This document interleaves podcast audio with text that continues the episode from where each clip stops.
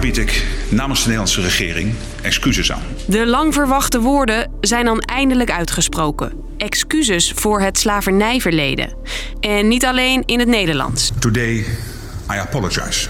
Awe mi tapidi disculpa. Maar Rutte zei ook: vandaag zetten we een komma. Geen punt. Wat komt hierna dan nog? Wat nu gaat volgen, daarnaar ben ik benieuwd. Gaat er iets voor ons gedaan worden? Gaat er iets gedaan worden voor de nastaten van de slaven? Daar vertel ik Hilde je over in deze aflevering van Lang verhaal kort.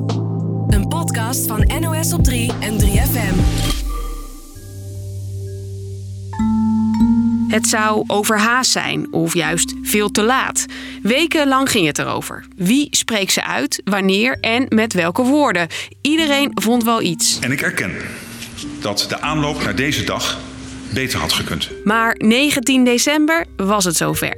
Premier Rutte bood in Den Haag Excuses aan. voor het slavernijverleden. En benoemde daarnaast dat wat er toen is gebeurd nu nog effect heeft. En te weinig hebben opeenvolgende Nederlandse regeringen na 1863 gezien en erkend dat het slavernijverleden een negatieve doorwerking had en heeft. En dat was niet het enige.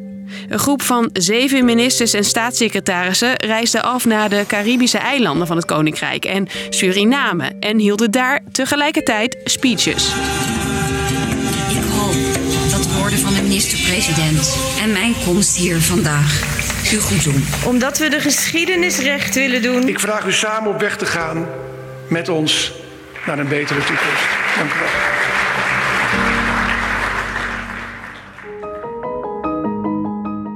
Lijkt alsof alles weer naar boven is gekomen. De excuses zijn dus gemaakt. En over het algemeen zijn de reacties op de speech van Rutte positief. Zoals hier in Suriname. Maar ja, we moeten vergeven. We zijn hier om te vergeven. Met pijn in het hart.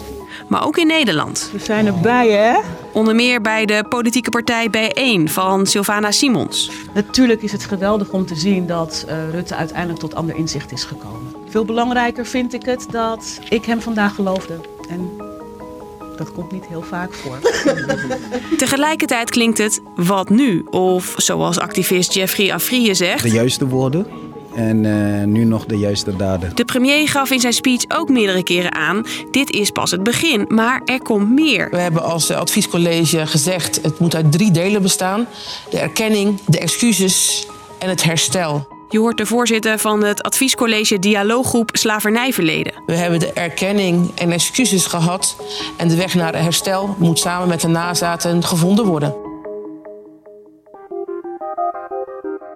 Het herstel, dat is de volgende stap. En misschien nog wel een moeilijkere stap dan de hele hobbelige weg naar het uitspreken van de excuses. Want hoe maak je goed wat zo lang geleden is gebeurd en wat nu nog steeds gevolgen heeft? Hoe nu verder? We zijn eh, heel blij met de inhoud van vandaag. En zullen ons de komende tijd natuurlijk nog wel eh, laten horen over de vorm eh, met betrekking tot 1 juli 2023. 1 juli 2023, Kitty Kotti. En de viering van 160 jaar afschaffing slavernij. De koning spreekt daar dan ook. Het is nog niet bekend of hij dan ook excuses aanbiedt. Maar er is meer dan alleen dat moment. Weten ze ook in Den Haag, vertelt politiek verslaggever Nienke de Zoete. Het kabinet heeft ook een brief gestuurd aan de Kamer over hoe verder. Daar gaat het over bewustwording, verder onderzoek. Uh, hè, er wordt, komt een slavernijmuseum. En er komt 200 miljoen euro beschikbaar voor bewustwording. Belangrijk, zegt deze directeur van een kindermuseum op Curaçao. Dat geld kunnen ze goed gebruiken in het onderwijs. Laten we de kinderen bewust maken van wat er is gebeurd. En zeker dan, hoe gaan we verder met ze? Dus dan weten ze ook van oké, we hoeven niet dezelfde fouten te maken zoals onze voorouders. Maar we kunnen gewoon een andere toekomst bouwen. Of Nederland ook herstelbetalingen zal doen aan individuen dat is niet de verwachting, zeggen onze politieke verslaggevers. Onderzoeker en schrijver Asfa Bijnaar ziet in herstelbetalingen aan personen ook niet de oplossing. Maar we weten natuurlijk dat er enorme achterstanden zijn op het gebied van onderwijs, van cultuur, discriminatie op alle fronten. Dus als er herstelbetalingen komen, dan moet er eigenlijk gewoon geld worden vrijgemaakt om al, op al die gebieden meer inclusie te bereiken. De gesprekken over hoe het beschikbare geld moet worden uitgegeven en hoe het herstel er verder uit moet zien, daar gaat de politiek het komende jaar mee aan de slag. Maar leer nou van hoe het proces rondom de datum van het aanbieden van de excuses is gegaan, zeggen ze bij het adviescollege Dialooggroep Slavernijverleden. Ik denk dat, dat het belangrijker is om met de mensen dit te doen en niet voor. Dus, lang verhaal kort. De van tevoren veel besproken excuses van de Nederlandse staat voor het slavernijverleden zijn er nu dan. De meeste mensen reageren positief op de speech van Rutte. Maar zoals hij zelf al zei, het is een komma, geen punt. De volgende grote stap: herstel. Hoe moet dat worden ingevuld? Daar zal de komende tijd dus nog veel over gaan.